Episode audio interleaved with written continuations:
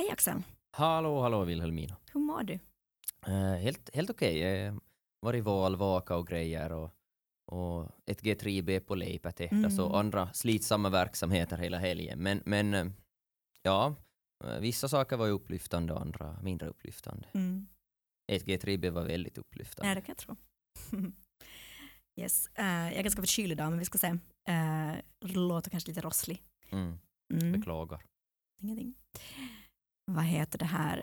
Jag insåg förra veckan att det är totalt bortkastade pengar att eh, ta med mig på något kulturevenemang just nu. Mhm. Jag somnar hela tiden. Jag somnar när jag läser böcker, när jag ser på film, när jag ser på teater.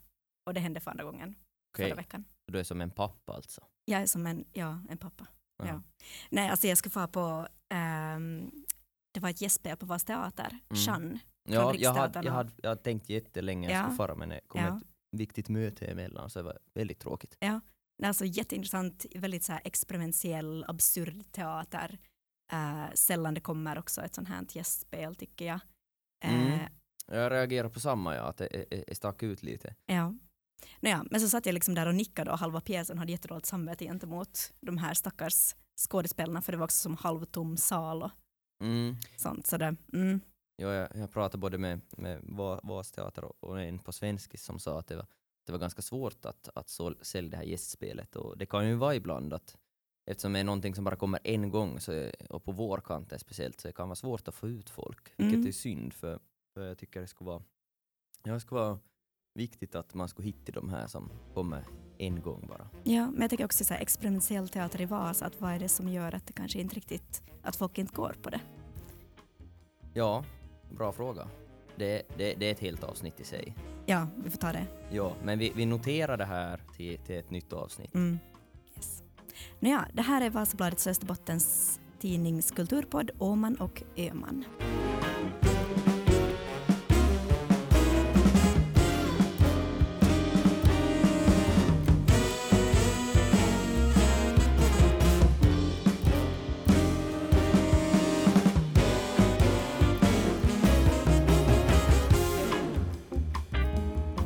Vad har du tänkt prata om idag, Axel? Hör du, jag är nykär så jag har, jag har tänkt prata om det.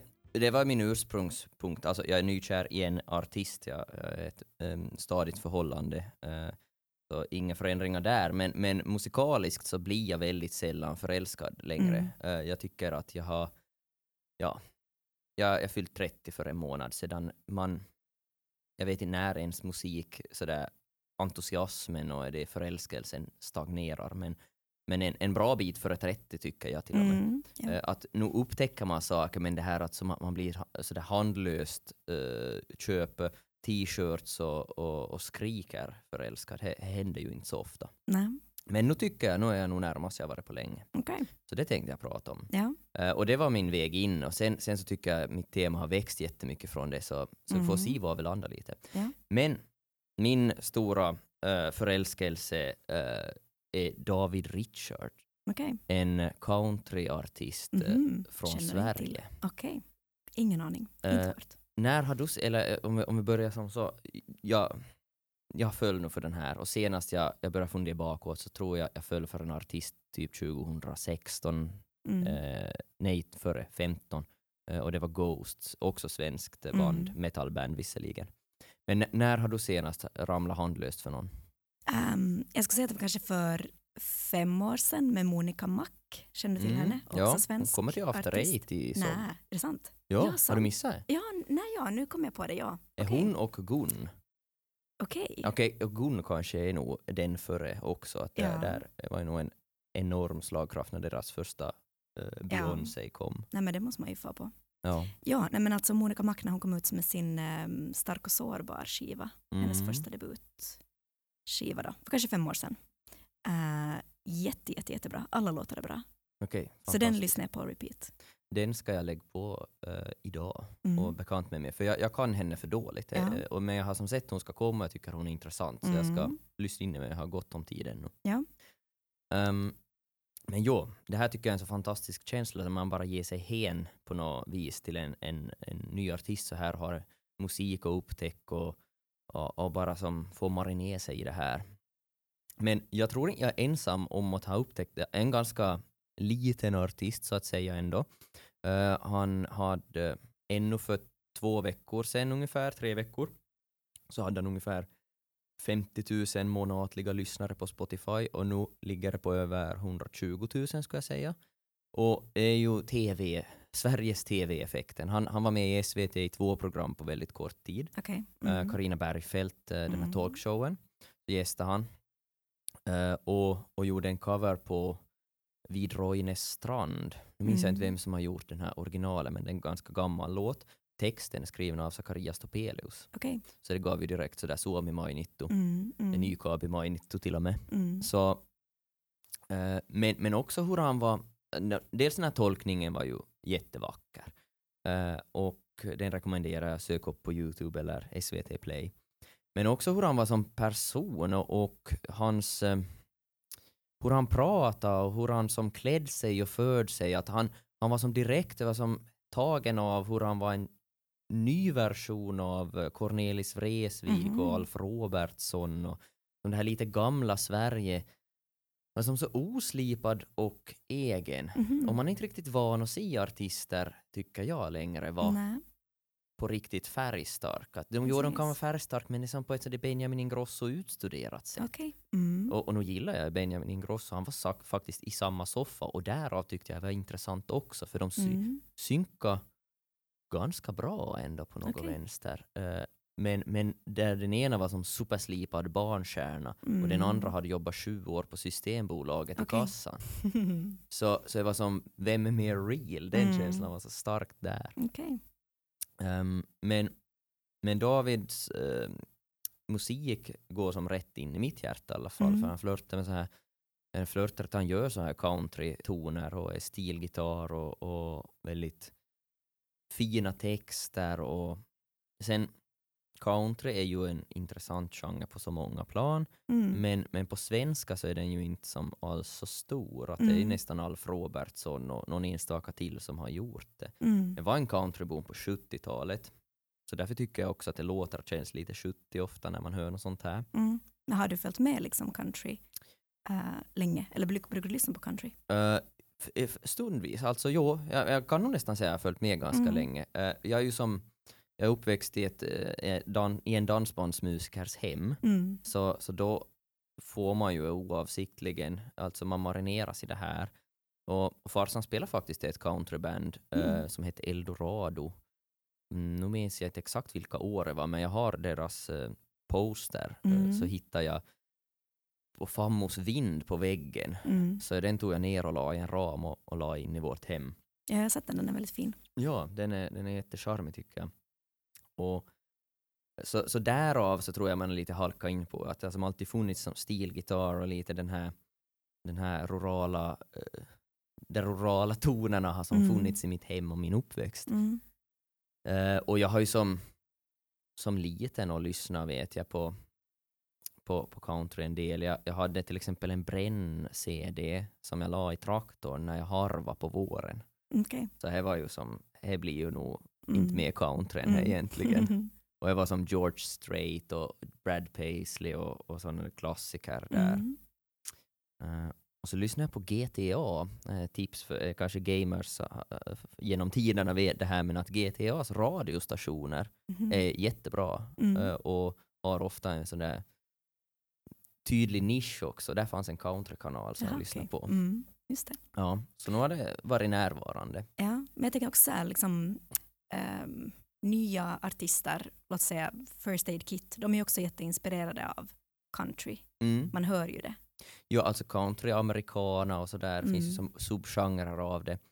Eh, jag kan rekommendera att se på This is Pop eh, av, på Netflix med, med countrymusik som de kollar på hur den har sökt sig in i pop, till exempel Lil Nas X med den här Old Town Road var ju en Mhm. jättehit. Mm. Han gick upp på nummer ett på uh, Top 100 country-listan. Mm. Sen så togs han bort för Mhm. han ansågs vara inte tillräckligt country. Okej. Eh, och där blev en sån där autenticitetsdebatt. Uh, no, det var långt ifrån första gången för att country och pop har ju som mergea i många, många år. Mm. Shania Twain, den här uh, vad heter den? Man, I feel like a woman. Så den, den är ju, uh, var ju en sån där superstor pophit som kom från country. Och hela Taylor Mm. Swift också. Ja, förstås. Att hon har ju uh, verkligen börjat där. Ja. Så jag tror vi glömmer fort hur stor inverkan countryn har och har haft på popmusiken som vi lyssnar på. Just First Aid Kit hör ju med till den här folkamerikana Mm, ja. biten av countryn. Mm, Mm, jag såg dem live faktiskt för typ en månad sedan. Okej, Otroligt bra. ja.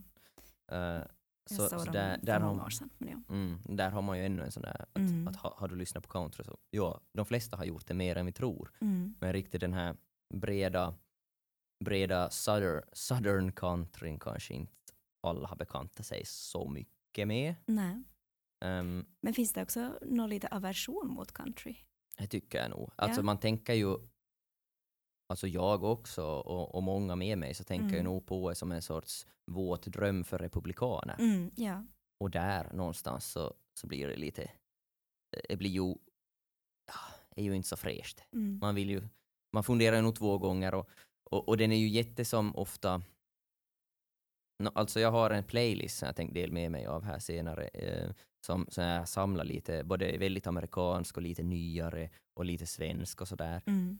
Eh, och, och den har jag så det lite parodiskt döpt till eh, truck, jag ska se, Trucks and bears and horses and ponies and our Lord and Savior Jesus Christ. Ja, okej. Det heter Mm. min eh, playlist. Eh, den ska jag dela här, så om man vill bekanta sig med country så det är ett jättebra sätt att göra det. Mm. Um, men ja, det finns ju en aversion mot det nog tycker jag. Mm. Eh, och det anses kanske vara lite sådär, ja, folk har nog fördomar om det. Mm. När man lyssnar på det så, countryn har ju en sån här uh, vilja att vara väldigt autentisk och äkta. Och det är ju någonting som går som genom, som ett, en röd tråd i mycket av musik som kommer från mer som landsbygden så att Mm. säga. Mm.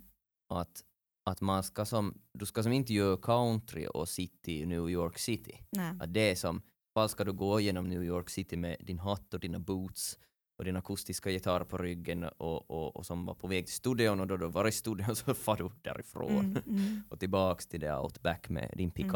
Mm.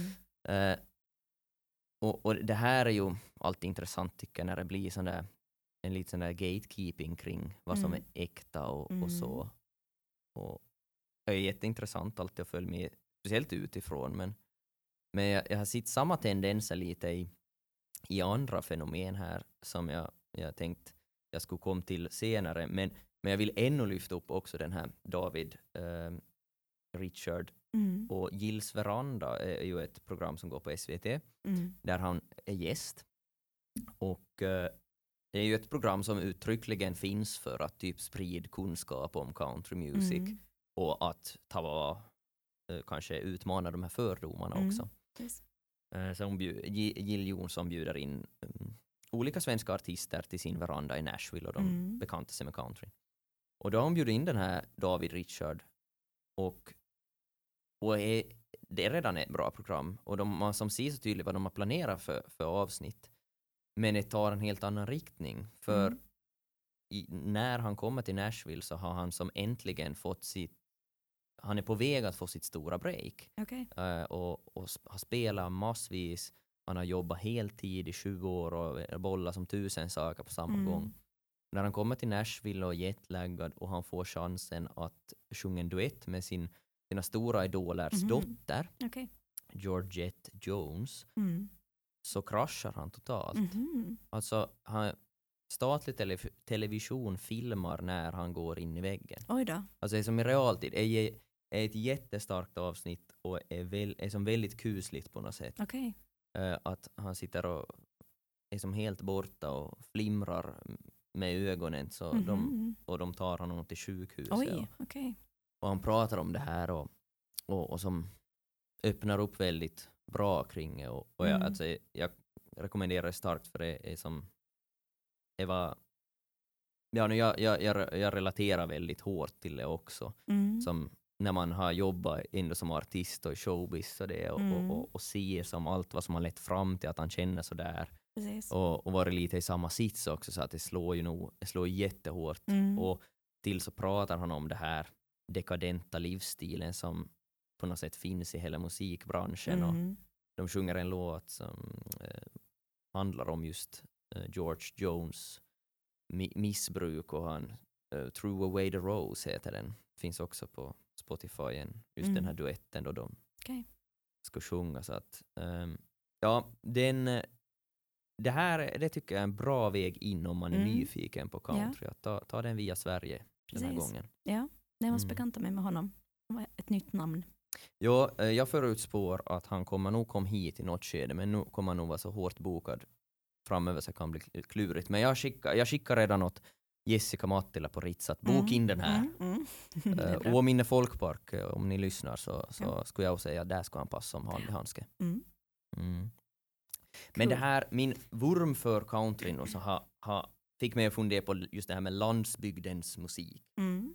För att det är ju väldigt ruralt country. Och jag skulle nog säga att om vi har ett countrybälte i Finland så är det ju Österbotten någonstans. Klart, om vi går finska sidan så börjar vi röra oss mot Iskelma, men det är som en, Mm. en bredare diskussion som Mm. jag kan för dåligt sådär från top of my head. Men, men jag menar, här är dansband starkt, här har vi har traditioner av folkmusik, vi har vi har som alla elementen för, för countryn Mm. att gro här, men den Mm. gör ju inte Mm. finns det ju som några countryartister att prata om. Nej. Jerry Lindqvist han har spelat, spelat americana, det är Ja. som eh, närmast och sen dansbanden flörtar ju alltid lite med det. Ja. Men, men jag känner just nu att det finns ett, en lucka att fylla. Okej, ja, ja. Mm. Ska du fylla? Kanske inte så det direkt, direkt men Mm. jag är alltså om, om, någon är, om någon är taggad så jag, jag är väldigt lätt övertalad just idag. Mm. Mm. Mm. Men, men om jag säger lands, landsbygdens musik, Mm. eh, vad tänker du på då? Um, alltså jag tänker så spontant att det finns mycket fördomar kring just landsbygdsmusik, just med country och dansband. Och så. Mm. så tänker jag också att så här en del mera poppiga artister som vi pratar om har liksom börjat sjunga på dialekt också. Mm. Så det kanske också skulle jag ändå räkna också till landsbygdsmusik. Ja, absolut. Eh, vad heter det här? Till exempel Mårskensbonden sjunger ju Ja. på dialekt. Det tänkte jag på. Så vad är det som inte säger att man inte skulle kunna räkna honom dit? Det är en sorts småstads... eh, Ja, förstås. Eh, vad, det beror på vad man definierar landsbygd som också, Mm. men, men jag, jag har, jag har honom, som exempel har jag Mm. också honom på min Ja. lista där. Men jag känner som att det kanske li- lite börjar luckras upp. Ja, jag tycker överlag att det är bra att man inte generaliserar för mycket, Mm. för all musik som skapas på landsbygden kan ju definieras som landsbygdsmusik och det är i princip allting. Att, Mm. att det är lite, eh, ja, jag nog gör sig en otjänst som börjar dra lite för hårt alla över en kam. Och, Mm. Och, och just, ja, man ska vara försiktig och generalisera för mycket för det Mm. blir väldigt eh, karikerande fort i onödan. Men, men sen så kan man ju som inte riktigt förneka att det finns då vissa eh, genrer som har, har tagit stora kliv framåt som, eh, som rent uttalat är väldigt eh, glesbygd, landsbygdsfokuserade. Mm. Och jag tänker nog kanske främst då på det här epadunken, Mm. eh, Sveriges nya hit-genre. Eh. Mm. Eh, och den är ju som, det är ju ett fenomen i sig. ja. Är du, är du alls bekant med den? Endast typ Fröken Snusk. Ja. För att hon har förekommit på P3 som jag lyssnar mycket på. Mm. Mm. Ja, man kan inte riktigt undgå eh, henne i de här Nej. diskussionerna. Och det har varit en del debatt just om, om innehållet i hennes låtar och sådär. Ja, det är Eh, ju, är ju väldigt intressant. Men Mm. om man ger en, en kort eh, summering av vad är epadunk så kommer ju från det här epatraktorerna, Mm. de här eh, moddade bilarna som får gå i 30. Det är ju Mm. patetiska fordon men de trimmas ju massvis och det är ju som Mm. en stor, stor kultur kring det här. Det finns Mm. massvis att sätta sig in i det här och, och ja, ja, det finns dokumentärer och, och radiodokumentärer och reportage och jag rekommenderar att sätta sig in i det för det är en Mm. jätteintressant värld. Mm, mm, Det här är väldigt släkt med raggarkulturen mm. men det är som raggarkulturens lite fullare eh, tonårsson tycker jag. ja. att, att det är som det här lite oreglerade, ganska vilda finns ju i eh, Mm. och i handl- texterna i epadunken är ju ofta ganska grova, handlar om Mm. alkohol, sex, att köra A-traktor, droger, alltså ja.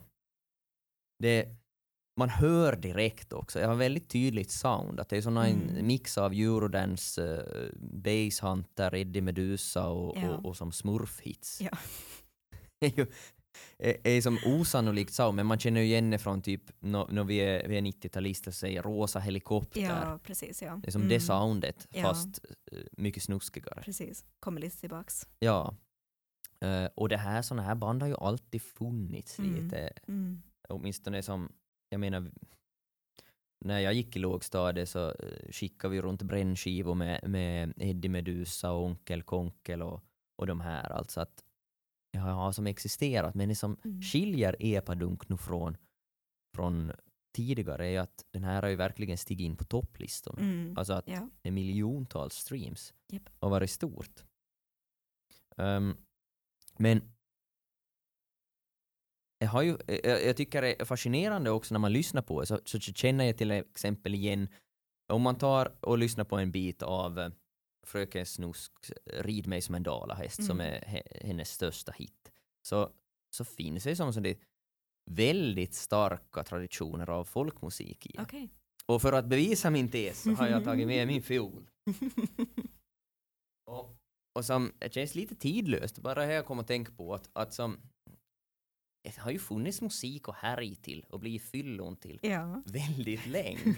och så om man, om man, nu ska jag försöka se om jag minns hur man spelar den här, så, så, så tänker ni er att ni är som på en paviljong någonstans, är lite krankare, ju, slutet av juni och, och, och så spelar spelmanslaget, så spelar inte Rid mig som en dalahäst utan dalahästpolskan eller något godenande.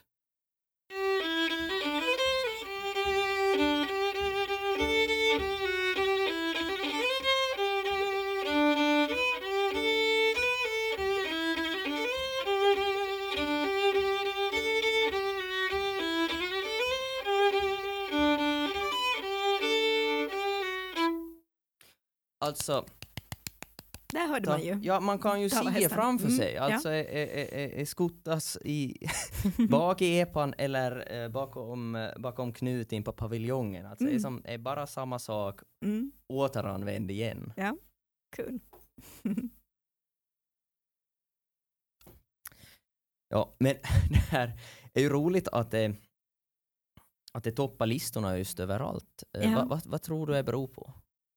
Alltså, eh, jag, jag, jag vet inte riktigt. Det känns som att jag känner till det för, för dåligt. Men ehm, alltså det är ju ändå, nog, nog dansar man ju med till den låten när den kommer på radio. Alltså det, det är någonting Det är ju- med, med eh, just det. bitet. Ja. Jag, jag också, att jag överhuvudtaget började spela det var för att jag, jag hade gått och nynnat på Jag hade lyssnat på han till det här avsnittet och så gick jag och nynnade på han en vecka och så Ja, ja. tog jag fram fiolen och spelade något annat och så bara började jag komma direkt. Mm.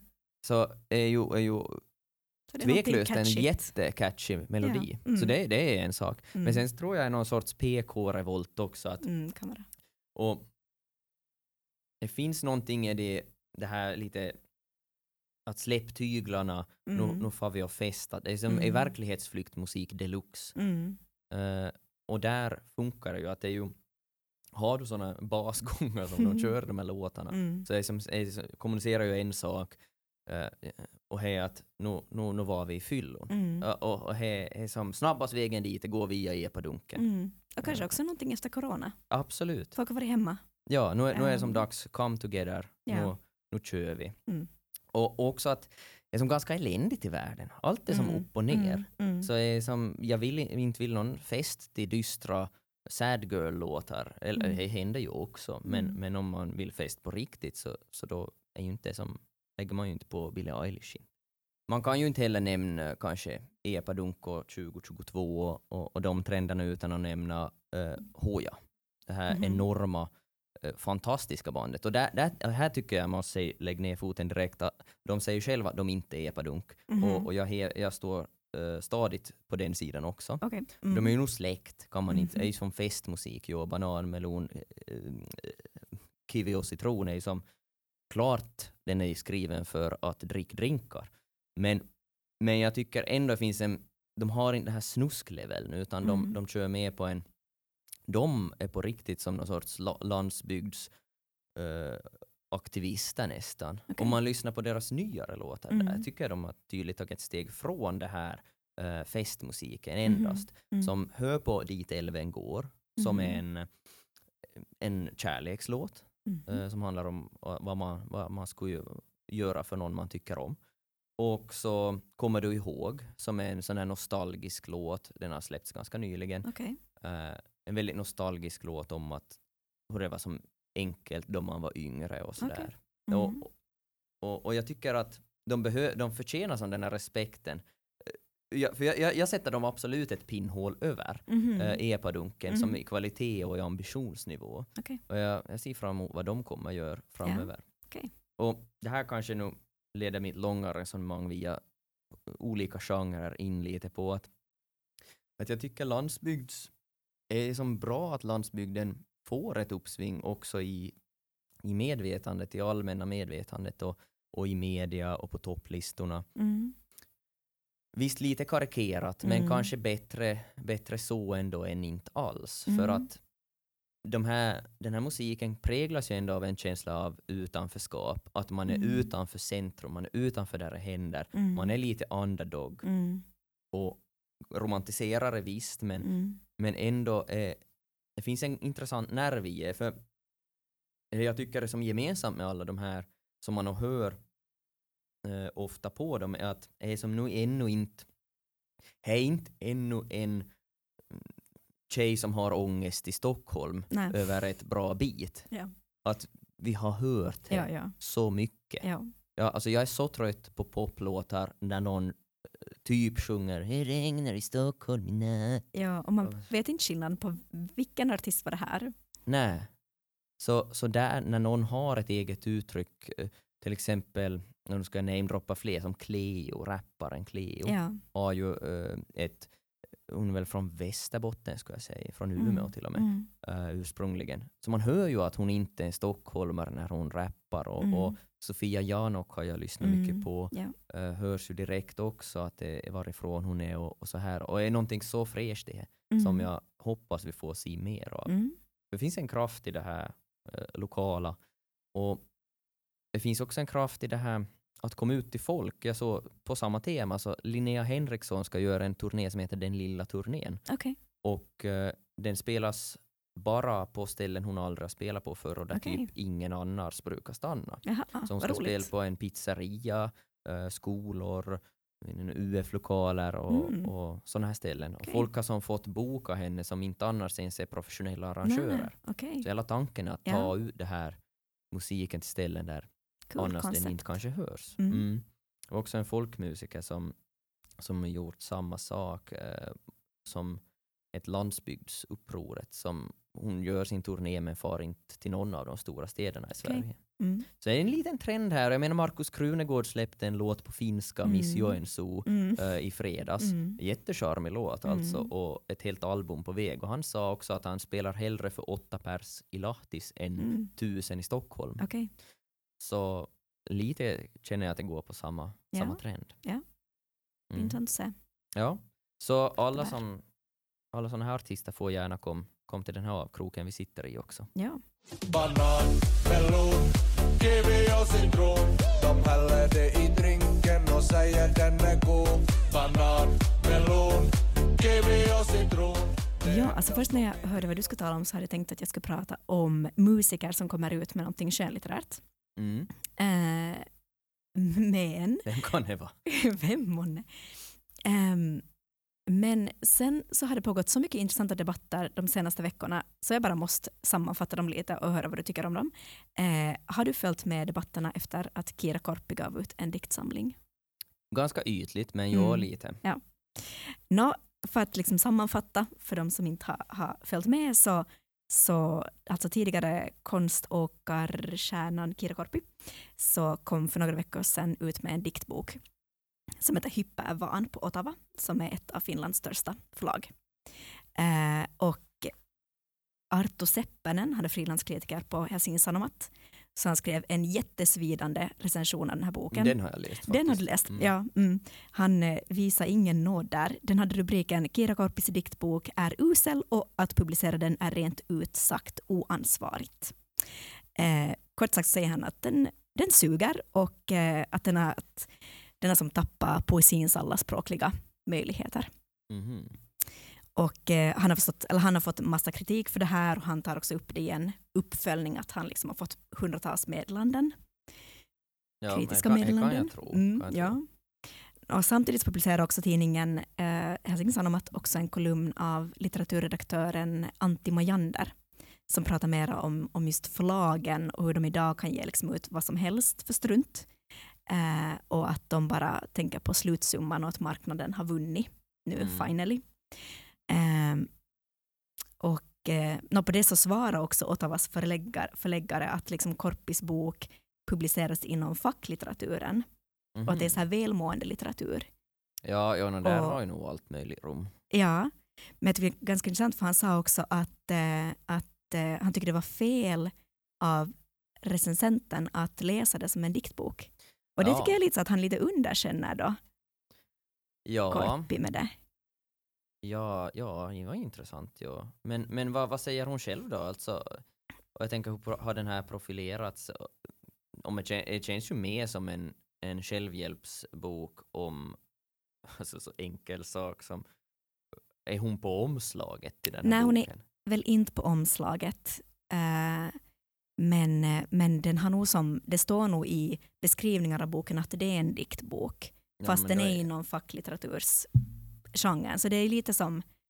Ja, Mm, de försöker som, ja, de har inte riktigt visst hur de ska marknadsföra Kanske den, eller så har de försökt eh, Kanske skydda henne. Ja, skydda, ja, Mm. exakt. eventuellt. Eh, Nåja, no, han sa också det här, eh, alltså den här förläggaren sa att, att förlag alltid har sett till både marknaden och kulturen, vilket vi tyckte var intressant att Mojander inte alls stod upp för att så har det ju alltid varit, att Jo, förlag också måste titta på marknaden. Och ännu mer på senare år, alltså senast Ja. 10-20, Ja. eh, massiv förändring också på den Mm. sidan. Um, nå, en sak som man märkte där i den här kritikerns recension var att han tog som jättemycket upp mer av de här stora bilderna just av, av hur förlag funkar idag och så här. Eh, och eh, och, han sk- skrev där att i och med att det kommit ut färre diktsamlingar de senaste åren så därför tycker han, han var, att det var oförskämt att ge ut Korpis bok. Mm. Ehm, just eftersom det är så här välmående litteratur. Men det har ju inte liksom någonting egentligen med boken att göra, utan Nej. förlagens beslut. Eh, nåja, också det här att han skrev också att, att om det skulle ha varit någon annan och inte Korpi så skulle förlagen inte ens ha läst manuset till slut. Ja, men, han. men sånt, sånt får kan man ju som spekulera i, Mm, absolut. ja. Eh, mm. Nåja, anyways, eh, jag såg under helgen att om man vill låna hennes bok i Helsingforstrakten Mm. så måste man lägga sig på plats 343. Okej, mm. Mm. Ja. ja, men bra. Så, Det kunde man ju gissa. ja, är ju en enorm hyllning eller en eh, riktigt grov sågning så Mm. kan ju få alla att läsa den. Här i Vasa är det bara är man på plats åtta om man vill låna den. Så här är det Ja. mera möjligt. Mm. Eh, ja, Men, ja, hon känns ju inte som, man har ju hört namnet men hon är ju inte lika household här kanske. nej, nej hon är ju inte. Ehm, jag har inte alltså läst den här boken, vill jag bara säga, utan jag har läst liksom några utdrag som hon har publicerat på sin Instagram och då följt med bara debatterna. Ehm, men jag tycker det är som superintressant vad den här recensionen har fött för trådar. Alltså det har talats om eh, förlagets ansvar gentemot författaren, att var det som rätt av dem att som slänga ut henne till vargarna på det här sättet. Ja, Det har talat om förlagens eh, liksom, försäljningstaktik och marknadsintressen och sånt. Det har talats om hur kritisk en kritiker får vara.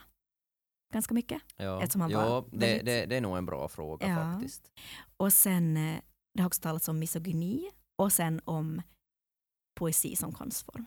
Är ju Så allt det alltså väldigt brett. Ja. Det har ju som fött en väldigt bred debatt. Mm. Var, var ska man börja här? Ja, vad ska, vi, ska man vad ska vi avhandla först? Nej men alltså, eh, jag vill bara säga det att jag tycker det är så intressant liksom, när någonting börjar leva på nytt. Alltså det handlar ju nästan inte om boken längre, utan Nej. alla andra saker runt om en bok och liksom systemen kring en bok. Ja men det här blir ju som med den här Nepo Baby-debatten tidigare Mm. i eh, vintras. Ja. Så, så den växte ju också enormt mycket från det där som det ursprungligen var. Mm. Eh, och, och är ju då någonstans det blir intressant på riktigt också för då, är, är som, då flyttar man fokus från det här är kanske ena som har fött, eller den lagar den här gnistan så har det blivit, blir mer till en strukturgrej Mm. och, och, och, och intressant på riktigt egentligen. Mm, ja. Men det som jag tyckte var som mest intressant i den här diskussionen var ändå liksom eh, vem får säga vad som är poesi och inte. Att just den här kritikern Seppänen så skrev att Korpi inte har någon uppfattning om poesi. Uh, och det tycker jag är jättespännande för att poesi är ändå som den genre inom litteraturen som ändå är mest fri tycker jag. Alltså den är ju som, ja, när man är barn eller ännu ganska ung så då tänkte jag som sådär att poesi men då ska jag rimma, Mm, punkt. ja, ja. Eller så ska det vara en konstig ombrytning av Mm, orden så att mm. eh, är ojämna rader eller något sånt så då, Mm. då är det nog po- poesi. Ja, då är det poesi. Ja. Ja. Nej, men, eh, det var kul för att Johannes Ekholm, författaren, var med i en intervju i HBL förra veckan och Mm. pratade om det här. Eh, han, han har skrivit en diktbok utifrån konversationen han haft på Pistefi Ah, ja, och den har han nu gett ut okej. i jag visste 50 inte. exemplar och sålt den på Torri Pistefi. Ah, bra. bra. Mm, ja. eh, det finns också som pdf på hans hemsida. Eh, Nåja, men han försvarar Korpi i den här intervjun och säger att han faktiskt tog inspiration av hennes bok. Okej. Eh, och Och så har han producerat den här boken på en vecka eller jag, jag, jag är inte helt säker. Det låter men som en snabbt. snabb process. Jag tror det gick ganska Man snabbt. har Men han handlat mycket varit, skit också. eh, kanske, men han har varit tydligen på Torri Pistafi väldigt, väldigt länge. Ja, Liksom. mm. Har Nej, många konversationer därifrån. Där, där kan man hamna. Men där kan man hamna. Eh, nåja, men han tyckte liksom att hans diktsamling kan fungera som en pusselbit i den diskussionen om vad poesi får vara. Mm. Eh, han säger så här att eh, på samma sätt som hon, Korpi, tagit sitt eget dagboksmaterial och sett att det kan placeras i en diktkontext upplever jag att jag kan göra samma sak med mina torgkonversationer som fått uppmärksamhet på Instagram. Jag tycker att alla ska få ge ut vad de vill och på något sätt vill jag ställa mig på hennes sida i det att man med kort varsel kan ge ut sådant som man upplever är intressant. Mm. Vad tänker Ja. du om det? Jag, jag, jag tycker absolut det så. Klart allihop ska få, få ge ut vad de vill, men sen, sen kommer det, nästa fråga som jag, den här eh, kritikern hade bemött, att ska förlagen ge ut allting då? Ja, Det är ju, Ja, det är en och annan han- fråga och ja. det får de ju fatta beslut om, mm. för de är egna, eh, egna företag. Alltså Mm. det, det är ju också någonting som ofta, tycker jag, i just de här kulturdiskussionerna så blir det som att, att de här förlagen skulle vara någon sorts ehm, nå, på ett sätt är det ju absolut en kulturelit, men också det glöms nästan det glöms bort att de ska ändå gå på plus Mm. i en sjukt utmanande tid. Mm. Eh, och att jag tror säkert ska många förlag eh, ge, inte alls bry sig om det här affärsmässiga sidan av det, utan bara vara någon sorts li- litteraturens väktare. Mm. Men, men världen ser ju tyvärr inte ut så att det går. Nej, och Ekholm gav vi också ut på eget förlag. Den Exakt, här, ja, här. där, menar jag att det är en och stor Kira skillnad. Korpi gavs ut på Ottawa. Ja, att Mm. nå, Ekholm är ganska ehm, etablerad, så han skulle ju, Ja.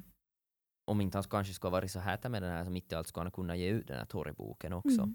Kan ha varit. Ehm, han Men, kanske har provat, I don't know. Mm.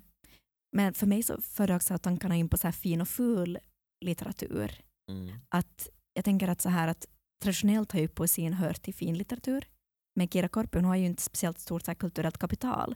Att det där kanske också blir någon slags Mm. liksom, Men är Kira Korpi det här eh, poesins fröken Snusk? Är hon det ja? jag vet inte, kanske. alltså kanske inte texter eller vad jag har läst så, så, så, så nej. Mm. Men, men med, här, så här med etablissemanget och fin och ful Ja, kultur och, ja. och sådär, vem, vem får ta plats i de Ja. här rummen? Nej men kanske, ja. Att nu åker hon ju tydligen upp till topplistorna ja. fast det anses vara dåligt Mm. och, och inte värt någonting. Mm.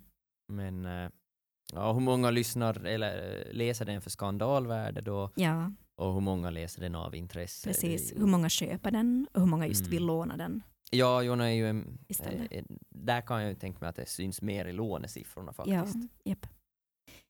Ja.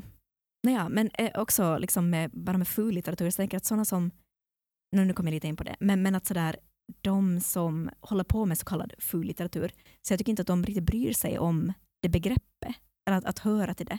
Mm, För att jag pratade med Nilla Källsdotter förra veckan när hon hade fått det här Svenska Österbottens litteraturpris, mm, och då sa hon att hon ofta fått höra att så här, deckare hör till ful litteratur, mm, men att hon, hon, hon tycker om det, hon tycker om det begreppet. och hon vill säljas, alltså hon vill att hennes böcker ska, ska underhålla och ska liksom Mm. förbrukas. Ja, men kommer ju Ehm. som man det, just med litteratur blir det så tydligt, men det finns ju nog i allt egentligen, men, men litteratur tycker jag är kanske tydligast av de här, att, att genrelitteraturen och, och, och som till exempel då deckare eller feelgood är väl tydligaste exemplen, skiffy till viss mån, ehm, är de här som är, är som fulare. Och, men den, samtidigt som den här fi, finlitteraturen är så fruktansvärt svår att då också riktigt sätta fingret på, eller man vet nog ibland när man ramlar över det, Mm. men det finns väldigt mycket som hamnar i någon sorts oklar mittfåra. Mm. Att va, vart det är flörtar med genrelitteratur men är kanske mm, mer litterärt, Mm. eh, rör sig mot en roman eller så. Mm. Eh, och är en ganska trött, är ju intressant men ganska tröttsamma diskussioner också. För, Mm. för jag, men jag, jag kommer ofta tillbaks till den här tematiken och funderar mycket på det här, alltid gjort också. Um, kommer väl av att jag har en bakgrund som med humor och, och med underhållning Mm. eh, som automatiskt, alltså så, hur bra du än skulle lyckas som komiker så kommer du bara så långt i det här Mm. finrummet så att säga. Ja, ja. Eh, att för att det är ändå humor du sysslar med. På samma Mm, sätt som att mm. du kan, du kan sälja hur många tiotals tusen deckare som helst. Mm. Men, men det finns ändå en viss, från, från ett diffust etablissemang så finns det en sån där, ja ja men det är ju bara deckare. Ja, ja, precis. Men, men, men du kan ju som inte förneka om tiotusentals, hundratusentals människor läser Mm. som, nå, om vi tar Nillas bok som exempel här. Så jag vet inte vad hon har för si- siffror just nu men jag vet att sist jag, jag läst någonting så var det nog över 60 000 sålda ex eller något av den här Mm. första boken. Mm.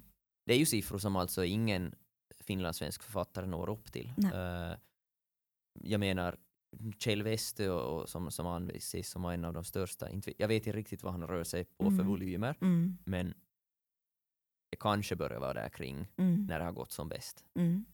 Och, och du kan ju inte förneka om folk vill läsa det så har det ju nog ett värde. Mm. Och, och ger ju som folk underhållning. Jag kanske som fl- flyktig underhållning på det sättet. Mm. Men det är också vad vi behöver. Mm. Att det finns, det finns ju ett stort värde i att ge folk verklighetsflykt och mm, ja, spänning och Mm. underhållning helt enkelt. Ja, japp. Men eh, ja, jag tror jag måste wrap up den här Kira Korpi-debatterna. Men att, eh, vad tänker du just om ve- vem ska få säga vad, vad är en dikt och vad är inte en dikt? Kan en anteckning från eh, en dagbok vara en dikt? Men nog tycker jag väl det. Mm. Sen, jo, då kan det vara en dikt. Alltså ChatGPT kan ju skriva dikter. Mm.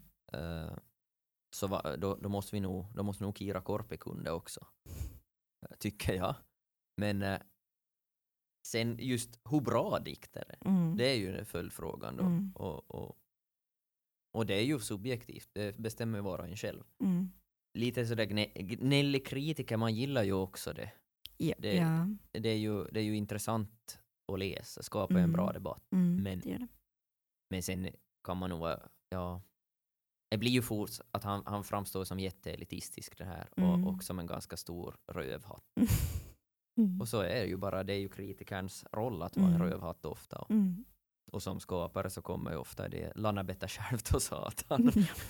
så, så sen kan jag tänka mig att Kira Korpi har, har tänkt i sitt stilla, stilla sinne där hon har dragit någon piruett på isen.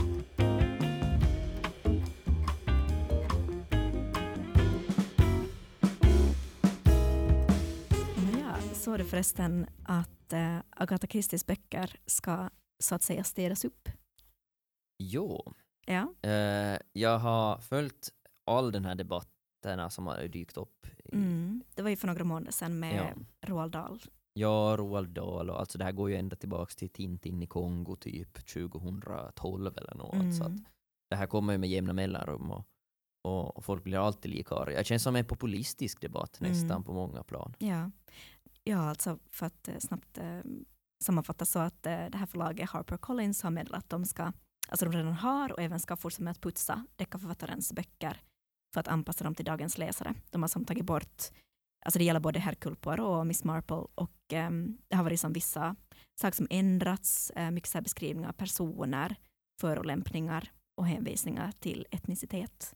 ord som oriental, nubisk och zigensk har strukits. Mm -hmm. Okay. Eh, ja, jag, jag tycker det är bra Mm. att sådana ord stryks. Jag Ja. vet att det är många som inte tycker det, eller som, Mm. ja, som är mera som tycker att det ingenting ska ändras i en bok som redan har tryckts. Det finns ju som, nu just Agatha Christie de här stora så finns ju ändå, de här gamla finns ju kvar Mm. i enormt stora upplagor. Mm. Så nu förstår jag att man kanske reviderar lite till nya upplagor. Mm. Men sen finns ju nog en sån där nivåskillnad vad man tar bort också. Mm. Jag tycker, jag, är- jag, är- jag, är- ja, det finns nog sådana där det är som rätt att ta bort, det tycker jag också. Mm. Men jag är nog ändå rädd att det blir som, ja, om man gör någonting för historielöst Mm, så tycker mm. jag också att gör sig verkligen och eh, kommande generationer en otjänst. Alltså Mm. att om allt som är lite obekvämt ska städas bort, alltså bli som någon sorts curling eh, föräldraskap för eh, som fritt tänkande och, Mm. och, och Ja, man kan ju alltid kontextualisera och Men förklara det, liksom, det tycker ord. jag är det minsta man kan göra. Om Mm. du har något problematiskt som ska göras en ny upplaga, så då måste du i alla fall kanske ta, ta upp det också.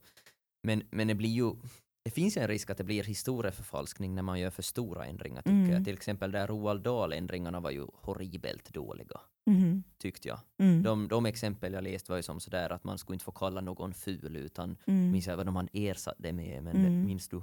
Nej, jag kommer inte ihåg. Men det var, det var som det var så tandlöst och jäkla tråkigt. Ja. Att det som försämrar verkligen Mm. språket. Ja, alltså jag tycker det var, det var en barnboksexpert som då under den här Roald Dahl-diskussionen den pågick, så sa att han, eh, han är som egentligen emot censur, men att, att han är okej med att man tar bort något ord så länge det inte som ändrar essensen i boken. Nej, Och jag, jag tror det är där jag ligger. Alltså, det, det håller jag nog eh, med om. Att som håller man tar honom. bort n-ordet ur Pippi och sånt. Det är ja, som, självklart du ska göra det. ja, Men, men då handlar det som inte, du skriver ju inte om hela stycken. nej. Och, och, och som hur, hur, hur, hur du än vill skydda de stackars barnöronen så är ju som det finns fula människor. Det är tyvärr så. Sen är det kanske subjektivt vem är och hur, hur, hur de, de ser ut. Men man kan ju som inte låtsas. Alltså, Det blir som så bisarrt när vissa sådana här saker ska, ska Mm. tas bort och som jag förminskar ju också barns förståelse för Mm. för omvärlden och Mm. barns språk och, och vad de kan hantera för ämnen. Mm. Ja, just, jag tyckte det blev tydligast med det där Roald Dahl, för där var det just så många som inte var som jag uppfattade alls som någonting som skulle behöva ändras. Just det. Mm. Ja. Nej, jag tänker, alltså, just med de här Agatha Christie-böckerna så där är ju kanske sådana ord som redaktörer idag skulle nog anmärka på och säga stryk det här. ska man ju hoppas. Mm. Så att, ehm, mm, Ja, men det är, ju svårt alltid när som ett eko från en, en annan tid finns i verket. Och Mm. samtidigt jätteintressant för att hur ska då vissa, alltså världen såg ut på ett annat Mm. sätt då när någonting skrevs. mm, Så det är som viktigt att kontextualisera det och ge Ja. som en, så man kan ha en möjlighet att förstå det. Och kanske ändå ha tilltro till läsaren Ja, ja och, och till just föräldrar som läser mm. barnböcker åt sina barn. och just med, med Agatha Christie är ju som inte tänkt för barn Nej, heller. nej. Så där så tycker jag att man skulle i så fall borde kanske ha ett, ett kapitel eller något i slutet. I början tycker jag alltid kastar en så ur läsningen om Mm. det är långa, långa förklaringar. Men, men som i slutet att som ge då att det här har vi ändrat på grund av det här Mm, mm. Och, och, och som att och förklara det så vettigt som de kan och också ge historisk kontext till det då kan jag tycka. För en vuxen läsare av Agatha Christie borde ju kunna förstå det. Mm. Ja, har vi några tips till våra lyssnare den här veckan? Uh, givetvis har vi. Ehm, jag tänkte, jag pratade i första avsnittet av podden om adaptioner och Ja. då hade jag tänkt lyfta upp Daisy Jones and the Six. Okej. Mm, som, men den hade inte kommit då ännu, men jag lyfter upp den nu. Ja. Eh, Daisy Jones and the Six är en bok av Taylor Jenkins Reid som har blivit någon sorts um, hitförfattare får man väl nog säga. Mhm. Uh, också gjort Seven Husbands of uh, Evelyn Hugo och, och andra populära böcker. Så här TikTok-generationen har tagit de här till sig också. Och jag. Uh, men Daisy Jones är ett fiktivt band på 70-talet som eh, ger ut ett ikoniskt album och sen splittras. Okej. Och det Mm. här, historien berättas som en dokumentär. Redan i boken var det här, jag, jag, jag gillar den verkligen som i bokform, för den är skriven som en här muntlig berättelse, där det är som en karaktär, så Daisy, och så berättar hon om en situation. Och kan liksom byta ett stycke till nästa person som säger sin vinkel av samma händelse. Okej. Så man får så många röster på den här turbulenta tiden på 70-talet. Mm. Och det här har de tagit in då till, nu när de har gjort tv-serie av det. Så det är som, mer som en dokumentär som görs nu.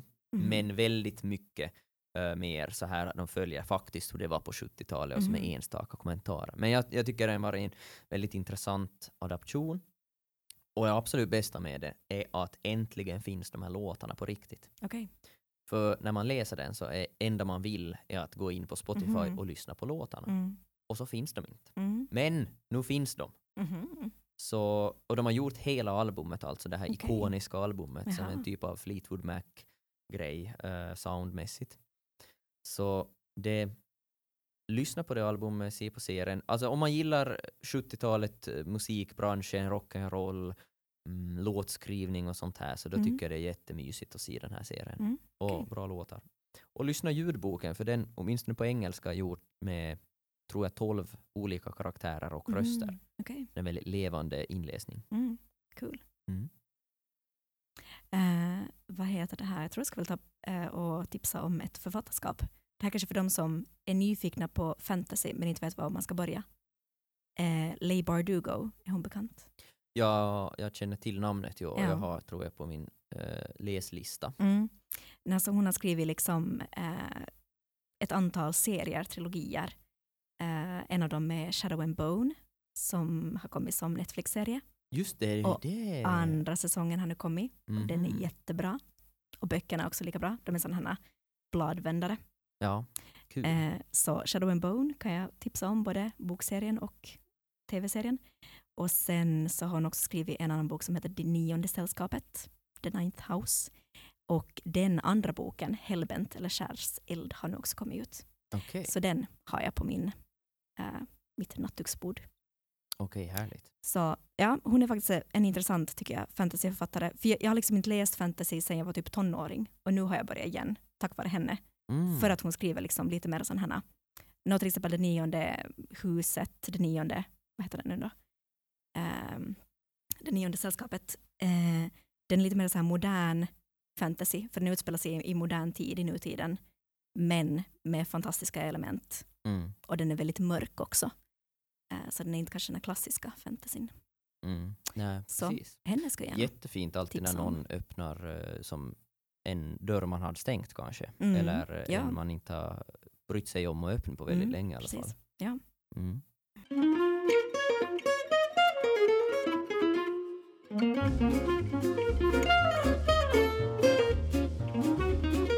Åman och Öman är producerad av Vasabladet och Österbottens Tidning. Producent för det här avsnittet var Patrik Sjöholm. Är du intresserad av mer kulturinnehåll kan du gå in på vår app eller sajt vasabladet.fi och klicka in er på kultur.